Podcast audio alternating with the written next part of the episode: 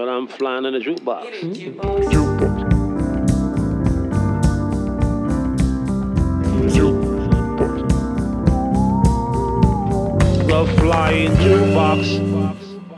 Hej och välkomna till den flygande jukeboxen, en podd av, med och för musikälskare. Mitt namn är Patrik Stanelius och om ni har sett en svensk artist på bild så är det troligtvis tack vare det här avsnittets gäst. Okej, det är något av en överdrift men faktum är att Per Kristiansen, som han heter, har fotat hundratals skivomslag, otaliga artistporträtt och har på senare tid även gett sig in i musikvideosvängen. Vid det här laget är det liksom enklare att lista folk Per inte har plåtat än.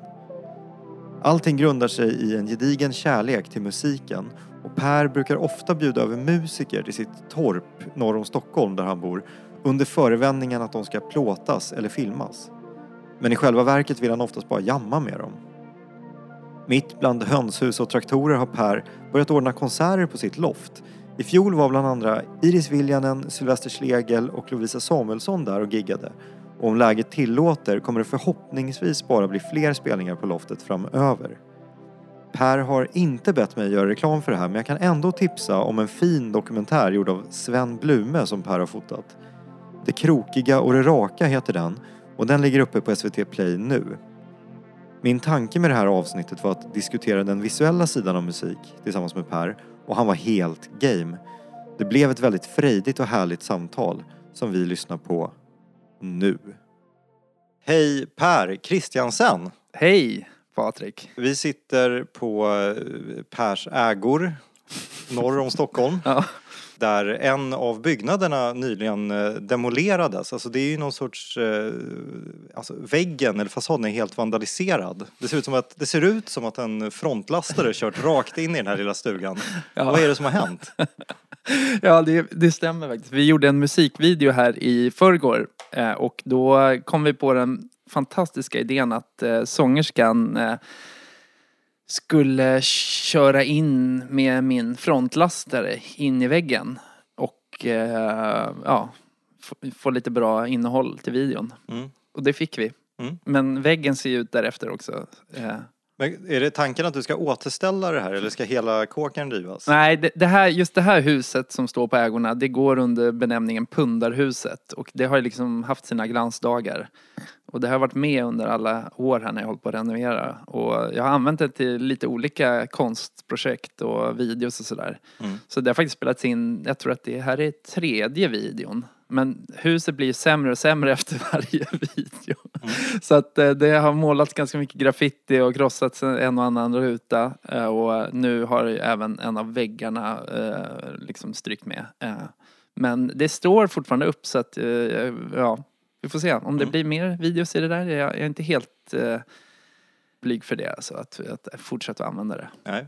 Och eh, om, om man kollar upp dig Per och ditt CV och eh, lägger ihop eh, bilder som du har tagit och dina videor som du har inspelat då börjar man efter ett tag känna igen vissa miljöer. För det är ju mycket som plåtas här ute där du bor. Ja, en del. En, Ja, del. en del. Eh, Jag har ganska mycket i, i min studio inne i stan. Men när jag har lite projekt som jag brinner extra för, om det är någonting som jag kanske tycker om, då brukar jag låta dem komma ut hit. Mm. Så ofta är det tecken på att man gör bra musik om man får komma ut hit och eh, hänga och fota. Och, och sen är det ju så att du också har, eh, det här är en plats som växer fram eh, organiskt ska man säga. Under all, all tid som jag har känt dig så har det ändrat skepnad fysiskt några gånger om. Men nu håller du ju verkligen på att bygga någon sorts eh, kulturellt och musikaliskt mecka. Det finns en scen eh, på loftet ovanför där vi sitter. Precis. Med. Snickartorps loge som vi kallar det eh, på konsertsammanhang. Ja. Och, och du har haft folk över här som spelat. Ja, absolut. Vi har börjat lite nu den här eh, 2020 sommaren. eh, Så har vi faktiskt kört lite små intima gig här. Eh, Först ut var väl eh, Sylle, Sylvester Schlegel. Han hade en konsert här som vi eh, körde för eh, någon slags livestream. Med ganska mycket publik också. Den kan man kolla in på Youtube och sen så Lovisa Samuelsson hade en, en hon hade en konsert eh, med, jag tror att det var tio stycken musiker som stod på scenen med, eh, det var fantastiskt bra också. Eh, och sen så hade vi Iris Viljanen hade fyra gig här för en tid sedan som vi körde där uppe på Logen. Mm. Så då får jag lajva lite så, restaurang och laga mat och kränga bärs och typ springa Sno el från grannarna. Ja, faktum är att säkringen gick, jag är lite ovan, vi, vi brände säkringen två gånger innan gigget, innan Iris gig, för vi, vi var tvungna att höja temperaturen lite. Så att, eh, då, det, det var faktiskt lite sådär, fem minuter innan gig så var jag tvungen att kuta ut och leta proppar i huvudsäkringsskåpet. Så att, ja, nej, ja, ström är bra att ha. Och troligtvis så kan man ju tänka sig att eh, 2028 eller vad det nu blir när allting är återställt till sin normala ruljang så blir det fler spelningar här. Ja, ja, gud, det är ju drömmen. Det var ju liksom drömmen för tio år sedan, eller nio år sedan när jag skaffade det här stället. Och eh, det var- här sommaren var ju helt overklig. Eh, alltså, det var jättetråkigt med allt med covid och sådär, men eh, för mig var den ju också helt overkligt härlig med alla de här konserterna och liksom det här, någon slags barndomsdröm som gick i uppfyllelse och ha massa fantastiska musiker som är här och spelar. Så att, eh, ja, det kommer nog bli mer konserter.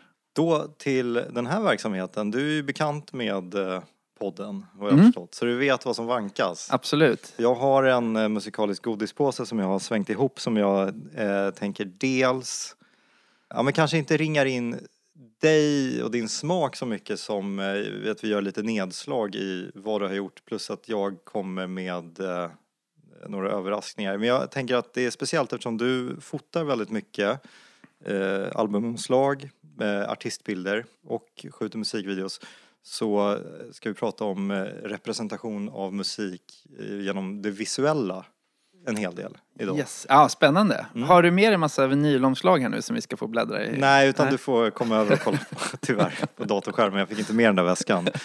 Men eh, vi, vi kör igång direkt med eh, faktiskt eh, en av, och då säger någon citattecken, dina artister. Ah. Är du beredd? Oj, vad spännande. Tänk om jag bommar här. Ja, det är ju som sagt ingen tävling. Nej, jo, jo, Patrik. Det är en tävling. Innan, innan eh, mickarna eh, slogs på här så sa Per, jag vill ju vinna.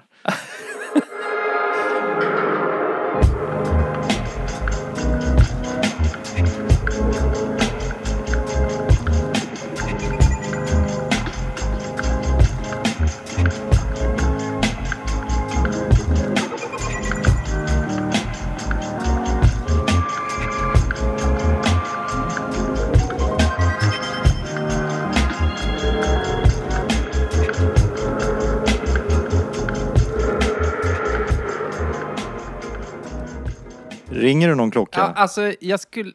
Det låter lite som så här Boards of Canada och eh, um, Portishead hade fått ett barn typ eh, på något sätt. Har jag jobbat med den här artisten alltså? Ja. Ja men gud vad pinsamt. Det är ju väldigt bra alltså. Det här är ju Mallorca. Ja, det är Edvins projekt. Nej men du, det är lugnt. Du kan ha med det där att jag inte visste vad det var. Det här var alltså eh, låten Paradiddle Flax från eh, det musikaliska projektet Mallorcas album This is Mallorca som du har plåtat omslaget till, kanske även tagit fler Ja, vi, bilder. vi gjorde nog en liten video till det också. Det är ju Edvin Nalin, fantastiska multikonstnären. Förlåt, jag ska ta bort min snusdos här från Patriks ljud. Eh, nej, men det, ja, det är Edvin Nalin eh, som ligger bakom det här ju. Och eh, ja, han är en nära vän till mig och en fantastisk eh, synt... Eh, jag vet inte vad man kallar det. Han, håller, han, han är syntare. Syntare. Omslaget är väldigt iögonfallande. Det är, Ja. det är ett foto taget ovanifrån i Edvins studio antar jag. Och eh, ni har liksom byggt, eller det har han kanske gjort tidigare, men det är som en, eh, en, ett fort Mm. av eh, syntar och olika klaviatur. Och när han sitter där, det skulle ju kunna vara liksom Klaus Schulze eller Haromi Hosono taget när som helst mellan 69 och 81. Men det här är alltså taget i Sverige 2018. Ja, alltså jag tror att jag, eh, alltså jag hade en idé. Det ser inte ut så där i hans studio, eh, utan vi, fick, vi byggde upp det där inför den där bilden. Men det är ett, ja, alltså jag hade någon så här inspirationsbild. Jag tror att det var från Ralf Lundstens studio Alltså jag tror att det var därifrån jag fick idén. För det var någon som hade någon liknande liksom setup. Och så kom jag på så här, fan det där borde vi kunna göra med Edvin. Och eh, det man också kan säga är att eh, han, han är ju väldigt mycket vintage elektronik och hela, hela bilden andas på något sätt någon sorts samma lika, liknande sepia-ton som träpanelerna på många av de här syntarna. Allt det känns väldigt dammigt och härligt på något sätt. Ja, jag tror att, eh, ja det, det blev så. Vi Mm. kollade i kameran, tog kortet och sen så gjorde vi det så att det blev lite varmare tror jag bara sådär. Och lite konigt och sådär. För att få den känslan. Rent generellt, och det kanske inte går att uttala sig om generellt, men när du ska liksom fånga en artist eller ett band på bild, utgår du från eh, musiken de gör eller är det någonting annat som du känner att du vill fånga? Om, om det är en ny artist som man inte har hört innan, då, eh, då kan det vara så att man, man sitter och lyssnar. Ofta så brukar jag, eftersom jag ibland kör bil, så brukar jag sitta i bilen och lyssna. Och då brukar jag nästan ofta oftast komma på bäst idé. Eller om jag typ står i verkstaden och snickrar eller så där, och bara lyssnar på artisten, då brukar jag komma på idéerna. Inte när jag sitter framför datorn med liksom en powerpoint eller, eller vad man nu använder. Mm. Eh, utan det är ofta när man gör något annat och då kommer man på en idé. Så att, mm, ofta så brukar jag be om eh, liksom en, kan jag få någon slaskmix innan då och som man kan liksom lyssna på.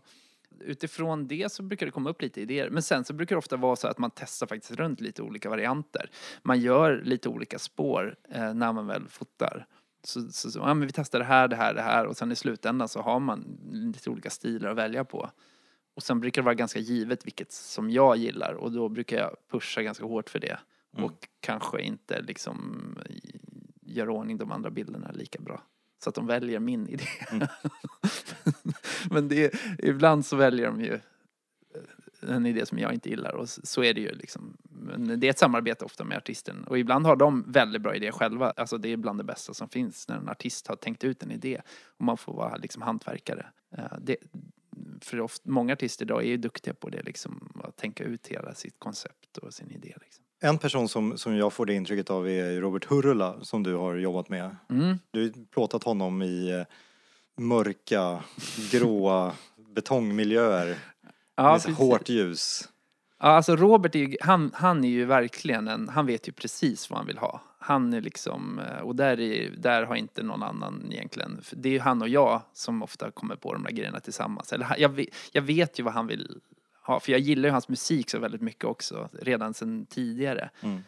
Han är ju väldigt duktig formgivare själv och, och liksom, och um, han gör ordning bilderna och, och ibland så kommer något mejl bara du jag har dragit lite den här bilden och så ofta så ser det väldigt bra ut liksom när han har gjort sin grej också. Du säger att du gillar Hurlas musik. Det är ju också, det är ganska långt ifrån eh, den eh, inte sällan eh, ångestladdade mörka eh, indie postpunk-rocken till den här eh, Edvin Mallorca Nalins lite freakade dubb-elektronika. Men eh, vibbar du in på det här också? Ja, ja, gud. Alltså jag, jag lyssnar ju liksom på, ja, alltså jag älskar ju musik liksom. Det är bara är så, all, all musik. Alltså jag kan till och med faktiskt lyssna på dans. Jag jobbar med en del dansband och jag kan faktiskt gå igång ja, och mycket folkmusik. Jag lyssnar väldigt mycket på folkmusik. Och uh, den renodlade liksom technon kanske inte, i och med att jag inte är någon dansman liksom. Jag eh, dansar inte så mycket. Du är en dansbandsman. Ja, ja, men ja, det, det är någonting konstigt med dansband för att det är ändå liksom instrument på något sätt. Men den här renodlade, väldigt minimalistiska technon har jag väl inte så stor kunskap om. Alltså det kan ju vara fett liksom, men jag lyssnar inte så mycket på det. Men, men folkmusik och dansband kan jag ibland faktiskt köra, så dansbandsrace ibland och bara lyssna på en, alltså, kanske inte så jättemycket ny dansband, men lite äldre dansband kan jag tycka är rätt bra. Faktiskt. Mats Blads. De har jag inte hört. Nej. Du får...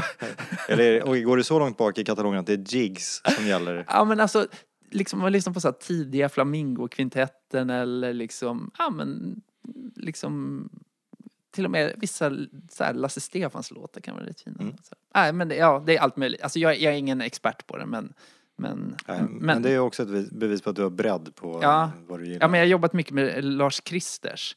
Och de är ju, ja, de är ju fantastiska. Alltså, de är ju bland de trevligaste människorna på den här jorden. Och eh, de är också väldigt duktiga musiker. Och när man ser dem spela live då fattar man så här, okej, det här är liksom hantverk och det är, de, det är liksom, då förstår man lite hur varför låtarna låter som de gör också. De lirar fyra set om 50 minuter eller någonting, eller 45 minuter.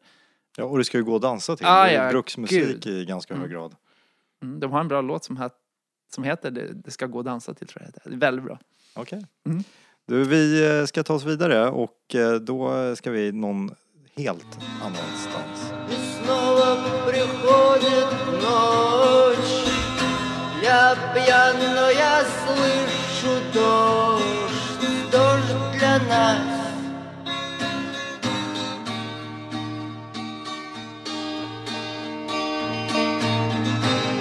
Квартира пуста, но мы здесь. Здесь мало что есть,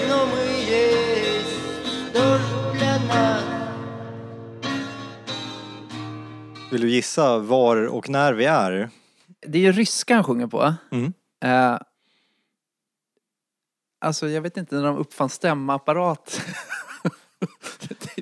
lite här, eller liksom, men nej, alltså, det är väldigt svårt. Är det någon slags protestsång där? Nej, det här är Sovjetunionens Guided by Voices som vi lyssnar på. Det säger jag lite relent. Det är, Mhm. Innan 91 liksom. Ja, det här är ett eh, band som hette, hette Kino Mhm. och eh, som leddes av den karismatiske, karismatiske eh, hjärtekrossaren Viktor Choi. Mhm. En eh, snubbe med eh, faktiskt nordkoreanskt påbrå.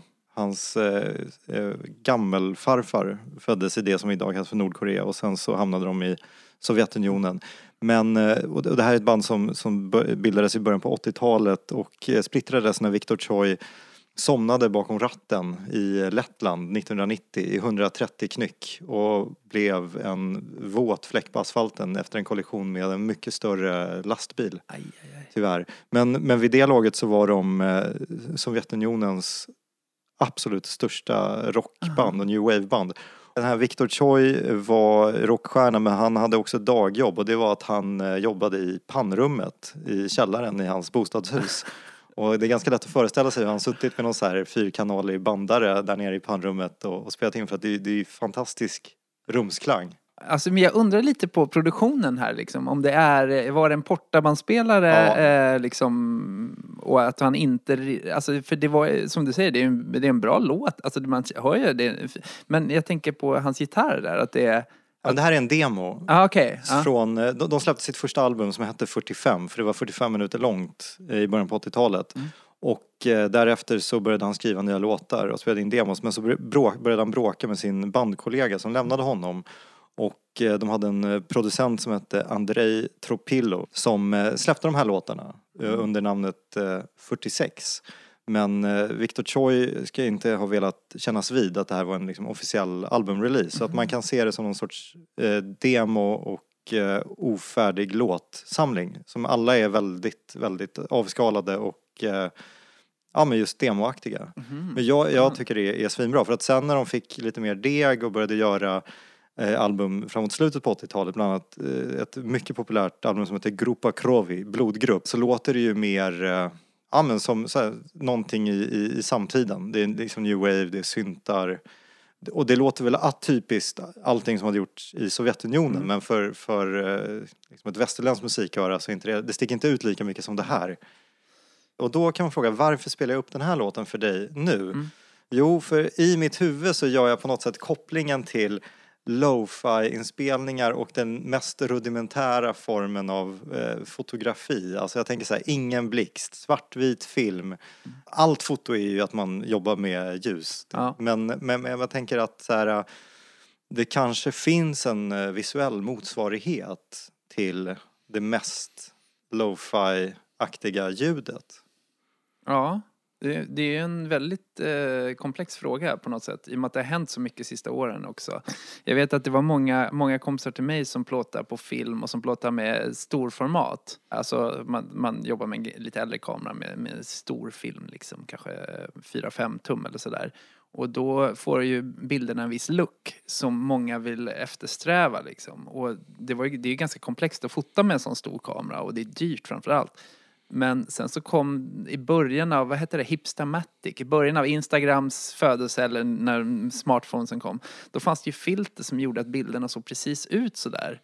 Och då började plötsligt de här människorna som har hållit på väldigt länge med att utveckla den här liksom, eh, konstformen, de blev ju helt så, de ryckte undan mattan för dem för plötsligt kunde vem som helst ha en bild som såg ut så. Så det, det förändras ju hela tiden för oss som fotografer att man typ plötsligt så kan vem som helst göra liksom inom situationstecken snygga bilder som ser så här bra ut. Så att man får hela tiden liksom jobba med det och, och vara på tårna lite som fotograf för att hänga med lite vad det är som händer. För plötsligt om jag jobbar med en ung artist så kan de ta vissa typer av bilder som jag kanske, som kanske har tagit många år för mig att ta och lära mig. Det kan de ta med sin telefon. Så då kanske man måste hitta nya grepp och sådär. ja. Och, så att det förändras hela tiden och det där lo-fi begreppet har ju också förändrats lite. Eh, jag menar, nu är det väl inte så lo-fi att plåta på film och korn och så här, utan det är ju mer lyx. eh, och, alltså, så, så, ja, så att det förändras ju hela tiden. Det är inte, är inte helt eh, det, är inte helt statiskt det där begreppet liksom. Det är på, på många sätt, eh, eller man kanske inte ska säga, det är som du säger, det är komplext. Det är, vi inte prata om motsatser men eh, det betyder inte alls samma sak. Nej, När man pratar om det i, i visuella termer. nej jag, jag tror det. Eh, Som sagt, det har förändrats. Mm. Men eh, nu, nu är det en ny tid. Nu är det ny tid. För jag- övrigt måste jag lägga till att jag var faktiskt i Sovjetunionen. Jag är så gammal. Men jag var och spelade fotboll i Estland. Eh, och då var det precis innan muren hade fallit. Det kanske var ungefär samtidigt som eh, Ja. Viktor Choi eh, tog sin sista bilfärd. Ja, 90, jag tror att det var 90 vi var Ja. där. Och mötte Tartu FF, tror jag de hette. Hur slutar matchen? Det, mitt enda minne var att man kunde panta, om man hade druckit en läsk, då kunde man gå och lämna tillbaka läsken och få en ny läsk för pantflaskan. För det var så konstigt, jag, jag, jag, det är bara något konstigt minne. Det var så stark inflation.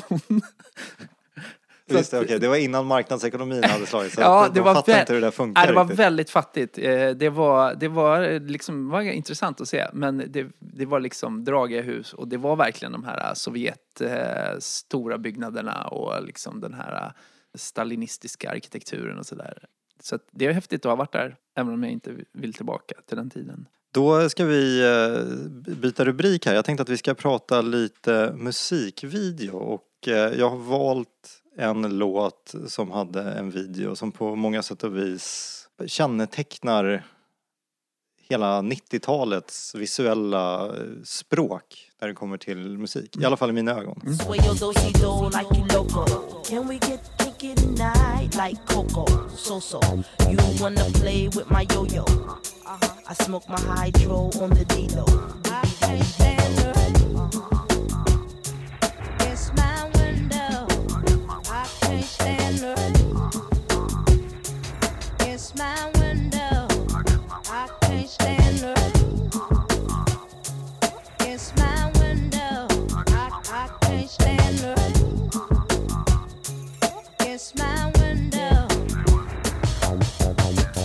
Missy Elliott, The Rain, Super Duperfly. Året är 97 och videon är regisserad av Hype Williams. Och även om du inte kommer ihåg just den här videon så kommer du nog ihåg hans otroligt igenkännbara stil. Väldigt mycket fish eye eh, eh, lins. Väldigt mycket så här konstiga onesie-kläder på artisterna som dansar i ryckiga rörelser framför kameran. Och det här är ju en snubbe som stod för i princip allt som var stort på MTV och ZTV och motsvarigheterna. Eh, I'll be missing you, Electric Avenues, Mo Money Mo Problems, alltså Puff Daddy, Notorious B.I.G. Vet du vad jag snackar om? Alltså, jag, jag, jag sitter och försöker tänka tillbaka. Jag, jag lyssnade nog på Red House Painters eh, mycket på den här perioden. Så att jag, min, min liksom, Han, han jobbade nog inte Nej, med nej. Red House Painters. Nej, men, eh, så att jag försöker liksom, jag var inte alls inne i den här världen men jag kollade på ZTV dygnet runt. Men liksom. Det är det jag menar, att det gick liksom ja, inte att undvika det här. Men den här, ja, faktum är att den, jag, jag tror, jag känner inte igen den här låten ens. Nej, okej. Jag tror att det är första singeln från Ja. albumet med, med samma namn från Okej. 97. Ja. Och eh, det är Timbaland som har producerat. Mm. Och jag, ty- jag tycker att det finns mycket mycket musik från den här tiden som daterar den väldigt mycket och, och för evigt placerar den. i ett nytt- Men just den här låten är, den, den, jag tycker den låter superfräscht. Mycket på grund av att den är så sparsmakat producerad. Alltså det är, det är en bassynt, det är lite trummaskiner, det är den här Ann Peebles samplingen och sjunger Can't stand the rain. från låten med samma namn, tidigt 70-tal. Och eh, Missys eh, väldigt släpiga stil. Det är som att någon har liksom gått in och bara skruvat ner tempot på det här. Det, det är väldigt flummigt och eh, väldigt fräscht.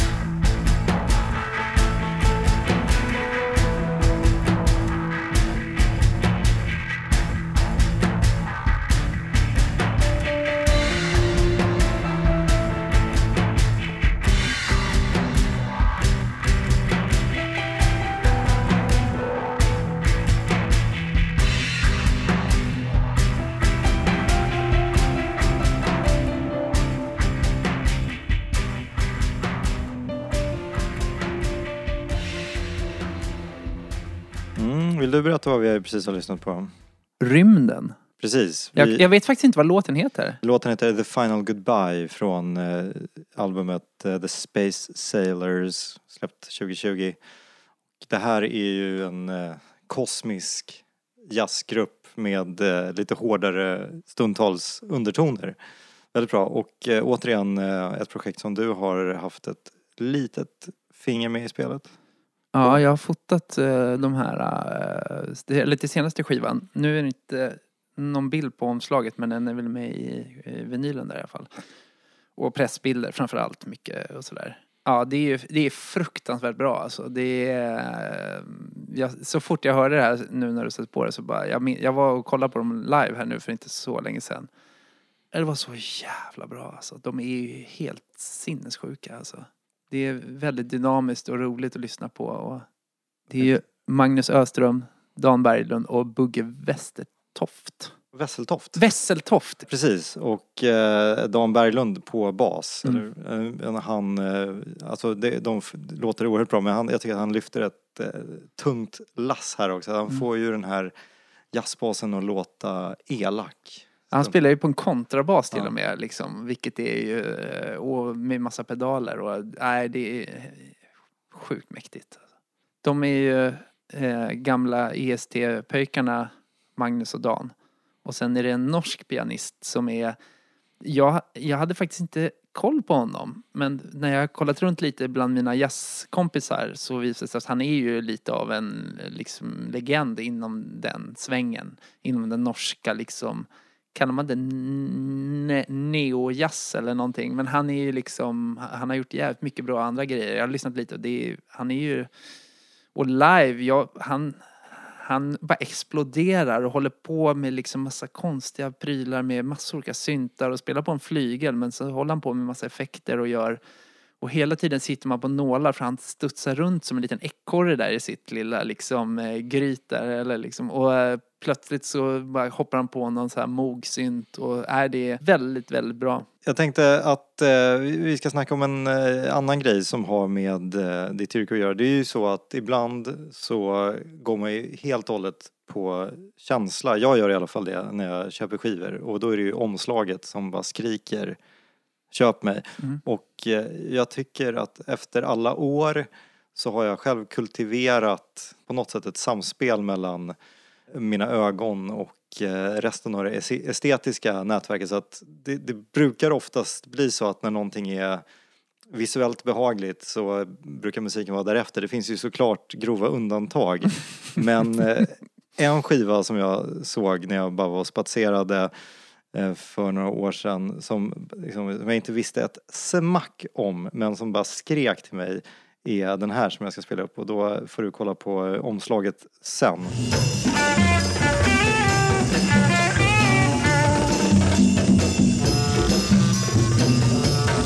Nu börjar det låta som min musik Patrik här.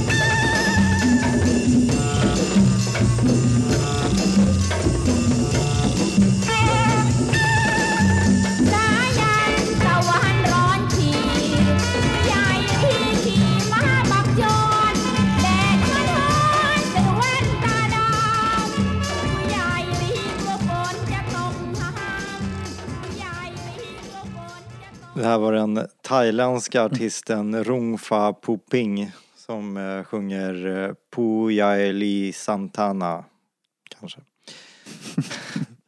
Från en eh, samlingsskiva som heter Thai Dai, The Heavier Side of the Luktung Underground. Och Luktung Tung, det är ett samlingsnamn på musik från eh, det, den thailändska landsbygden. Luk Krung är musik som är gjord i städerna tydligen om man kollar på musikaliska begrepp. Och då ska jag visa dig omslaget. Det är en bild på den eh, thailändska artisten Sroeng Samti som är med på flera av spåren här. Som står i någon sorts cowboy-utstyrsel med vad jag tror är en hemmagjord lampa gjord av en käpp, ett oxkranium och massa röda glödlampor.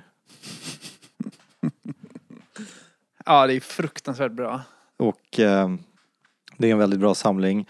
Men eh, man ser det här och tänker, hur kan det här vara dåligt? Och eh, jag blir så glad när det är så, när, när just det visuella, i det här fallet bilden, är så väl genomfört. Att, att det liksom inte går att värja sig. Nej, det är äkta. Alltså det är ju omöjligt att återskapa det där på något sätt. Jag tycker det skiner igenom väldigt ofta. När det är människor på bilden, då blir det plötsligt, det daterar ju också bilden och det är liksom på något sätt, då blir det lite mer personligt.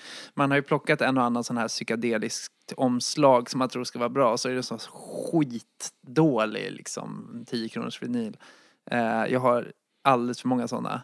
Eh, men när det gäller, när det är människor med, då tycker jag ofta att man får någon slags känsla för liksom musiken.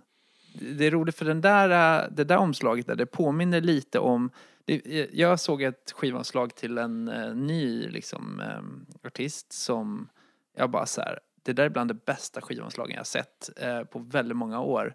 Black och den heter uh, East Atlanta Love Letters och bara såg det omslaget och jag lyssnade inte så mycket på den, alltså den liksom R&B eller autotune eh, liksom släpiga rappen men jag var bara tvungen att lyssna på den skivan och den är helt otrolig. Jag lyssnar på den, det är en av de skivorna jag lyssnar mest på sista året. Och det omslaget tycker jag är bland det bästa som har gjorts. East Atlanta Love Letters. Och det påminner lite om det, bara att det är en uppdaterad. Han står med en podcast mic, eller någon mick i köket med en unge i någon sele på magen. Och det är också, de har, det är någon bra fotograf som har gjort det. Men de har lyckats återskapa en känsla som man bara så här, som sticker ut från det mesta annat i den genren liksom. Om man kollar på eh, ditt foto nu eh, så kanske du inte själv tänkt på det du gör i de termerna men, men eh, på din hemsida perkristiansen.se så finns det ju en, eh, ett axplock ur din portfolio och eh, en genomgående tråd som jag tycker mig se i alla fall i, i bilderna på människor, för du, du plåtar ju också mycket arkitektur bland annat, är att du jobbar mycket med alltså, skarpa kontraster mellan ljus och mörker. Det kan vara en väldigt mörk bakgrund och sen otrolig, alltså blixt och väldigt mycket fokus på, på en person som liksom sticker ut. Vad skulle du själv säga om det? Har du liksom någon, någon sorts go-to estetik som du alltid utgår från? Jag tror att man har liksom utvecklat det genom åren. För jag tror att jag har gjort nästan 400 skivomslag nu och gjort ganska många porträtt genom åren. Och jag tror man har renodlat liksom uttrycket. Att man, I början hade man väldigt många lampor, man jobbade med väldigt tekniska, mycket pill liksom sådär. Men eh, nu har man blivit mer slöare. Och då är det skönt att bara ha en lampa. Och eh, man har lärt sig ett hantverk och hitta de små nyanserna i att jobba med enkla uttrycksmedel liksom. Och den där, där den där blixten, jag gillar det där direkta uttrycket. Det är liksom, det eh, det, det blir tydligt och jag gillar liksom hård kontrast i både i liksom musik och i, i livet liksom. Det är, det är inte så mycket finlir utan det är väldigt så här direkt på. Det, det är väldigt svårt att prata om sina bilder när man har gjort så pass mycket liksom. Det är ju härligare att höra dig säga det. Jag håller, jag bara, jag håller med. Mm. Det, är också, det här är ju inte heller ett, ett visuellt medium som vi ägnar oss åt just nu så att det är, ju- det är sällsynt dålig radio slash podd eh, att eh, prata om sånt som man ska titta på. Jag bor i en kappsäck Mitt hem är överallt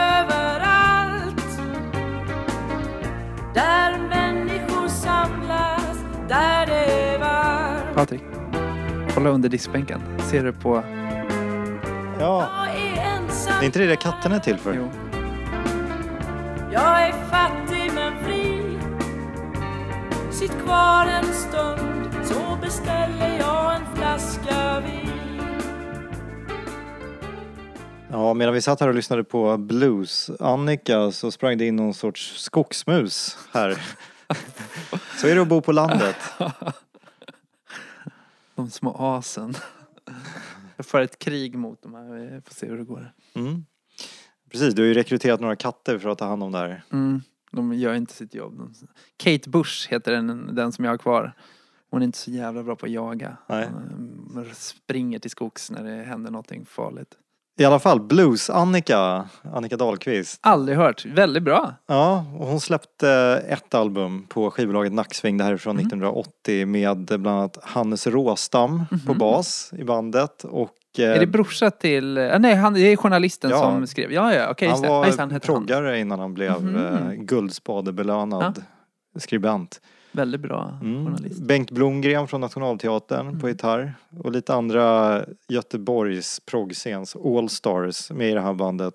Och eh, tyvärr så verkar det som att eh, eh, Blues-Annika verkar ha fallit tillbaka in i sitt eh, gamla leverne för att eh, vissa efterforskningar eh, som har gjorts tyder på det. Men eh, det här är i alla fall ett fint tidsdokument och hon talar också ur egen erfarenhet, levt ett ganska rowdy liv på gatorna tidigare. Och eh, det är lustigt för att jag misstänker att den här låten och hela albumet bara laddats upp till Spotify från, alltså rippats från vinyl. För det, det är liksom brus och knaster och eh, volymen hoppar till ibland. Så att det, det är verkligen ett, ett äkta tidsdokument som någon har bemödat sig att ladda upp. Man ska inte slänga sina mastertape alltså. Ja, det, man har varit i en, en och annan studio när de typ Alltså nu när Atlantis eh, bytte ägare och stängde igen så vet jag att de sålde ut eh, de gamla eh, tejperna från mm, Studer. Du vet, de har sådana stora rullbandare och de Mm. hade ett jävla arkiv där. Så sålde de ut många gamla liksom, rullband där. Med inspelningar på liksom. Och det är så originalgrejer med ja, men stora svenska artister som de bara krä- kränger iväg för, för pengarna för banden liksom. Jag har den historien, jag har en vän som eh, spelat i eh, indiebandet Autisterna för väldigt många år sedan. Och de var, PK-namn. och de var och spelade in med Mattias Glavo i Göteborg. Denna Och- fantastiska producent. Ja, och eh, då var det så att de sk- han ville spela in allt analogt på rullband Mm. och så skulle de byta band och han säger ni får gå och hämta något i skrubben.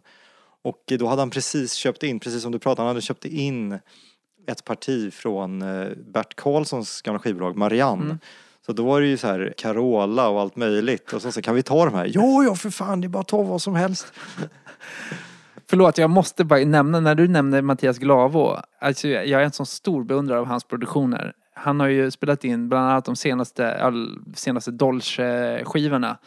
Som jag tycker är bland det bästa som vi har gjort på väldigt länge i Sverige. Om man inte har hört dem så lyssna in er för det är så fruktansvärt bra produktioner och otroliga låtar. Precis, kända från Telia-reklamen. Ja, de blev det sen. Ja, precis. Jag var en early adopter där. Jag, liksom, ja, jag tycker bara de är helt magiska. Och, det är, och Glavos produktioner är liksom, ja men det är någonting som minner om en gången tid på något sätt. Men det är så, så äkta och så ärligt och hela liksom upplevelsen på de skivorna är så jävla bra alltså. Det är, eh, Han är ju verkligen, och de är ju väldigt duktiga också. Så. Vi ska göra bokslut återigen med eh, bekanta till dig men vi tar en avstickare först för att det här är någonting som jag tycker väldigt mycket om och eh, musik som pryds av ett så nära på perfekt omslag som, eh, som i alla fall jag kan föreställa mig. Och det låter så här.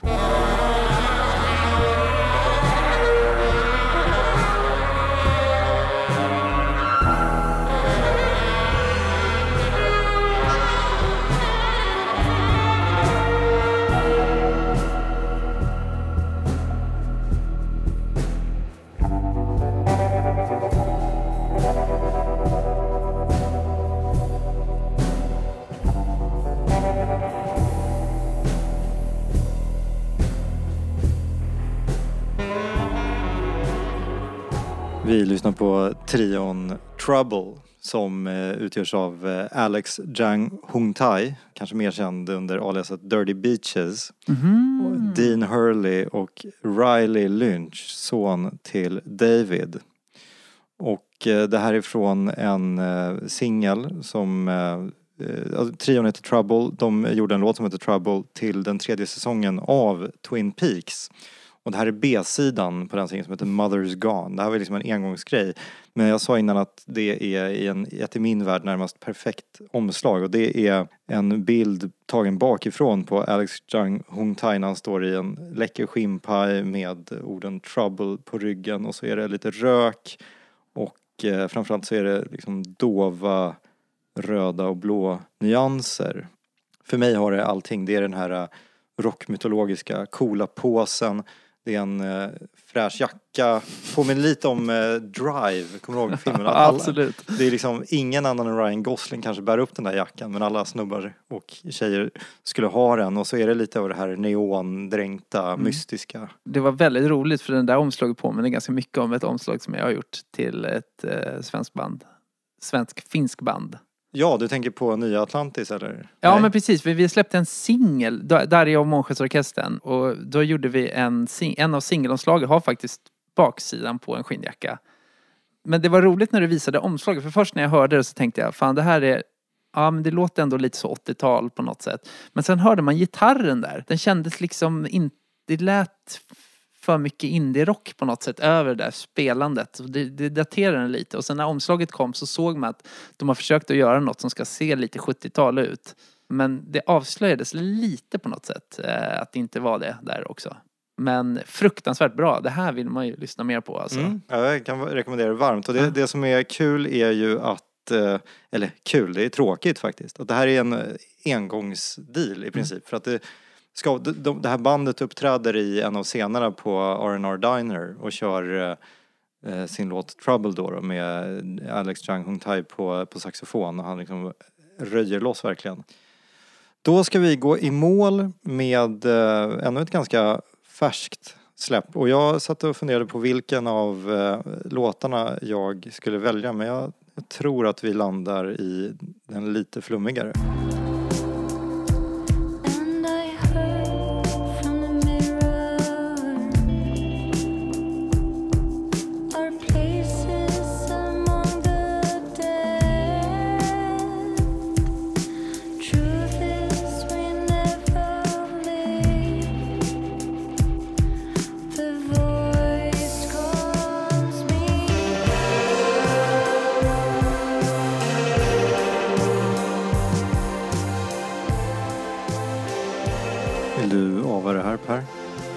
Hanged Man. Precis! Återigen, jag kan fortfarande inte någon låt tror jag. Jag kan, glömmer alltid alla låtnamn. Vad heter den här? Det är ingen fara, det här är Hasche Kanske. Ja. från albumet As the Tower Fell 2020 släppte jag också. Och eh, den här skivan är ju bara en skatt. ja, den är väldigt bra. Det är, det, det är en ära att få vara med och, och jobba med en sån här artist. Alltså. Eller en sån här grupp. Precis, för här- är det, du har fotat omslaget. Precis. Och tillsammans med Michelle eh, Eisman har jag även gjort en musikvideo. Till... Eh... Vänta, är det den här låten vi har gjort musikvideo till? Jag, jag minns inte. vi har gjort en av det musikvideo till första singeln där som kom. Som har samma tema som skivomslaget. Och det temat, du får ju berätta hur, hur ni tänkte men det jag, min första association är att det är någon sorts så här antik bakanal nästan. De ser ut som så här gudar på eh, Parnassen. Alltså jag tror att det började faktiskt så att, eh, eh, alltså jag har känt Rebecca ett tag. Jag, jag, jag vet när de släppte den förra skivan, eller första skivan va. Eh, så såg jag dem live några gånger och vi har väldigt mycket gemensamma vänner. Så, och, liksom, och varenda gång jag träffade henne, jag bara fan jag vill göra någon, jag vill fota några bilder till er, jag vill göra någonting så här. Jag, Och så hade jag alltid någon idé om att vi skulle göra, för de heter ju The Hangman, det här tarotkortet. Så tyckte jag att vi skulle hänga Rebecca upp och ner i en sån där snar, eller du vet sådär som ett klassiskt tarotkort. Så jag gick runt och tänkte på det typ ett år. Och sen så, jag är inte så bra på att rodda sådana här stylade grejer. Och sen så, och sen så Michelle som är en kompis, som är regissör och, eh, och konstnär, så började vi snacka om det. Ska vi, och så var hon så här, men, men hon känner också Rebecca, så sa vi så här, men nu gör vi det tillsammans. Och då blev det den här. Och sen så Lisa Pyk stylade och höll på med kläder och så här. Därav kom idén fram att vi utvecklade det här. Men man måste kunna- kunna genomföra hela liksom, eh, processen och man kan ha stora drömmar om saker och sen så ska det förverkligas. Mm. Så det blev det här. Men jag är, fan, jag är väldigt nöjd med omslaget Mm. fortfarande. Det är ett av mina topp top fem liksom, måste jag säga. och sen också dels att det är en sån jävla bra skiva liksom. Och med de orden sätter vi P. Tack så jättemycket för att du var med Per. Det är supertrevligt. Tack själv Patrik, det var väldigt trevligt. Och lyssna på Dolces senaste två skivor. Där hörde ni.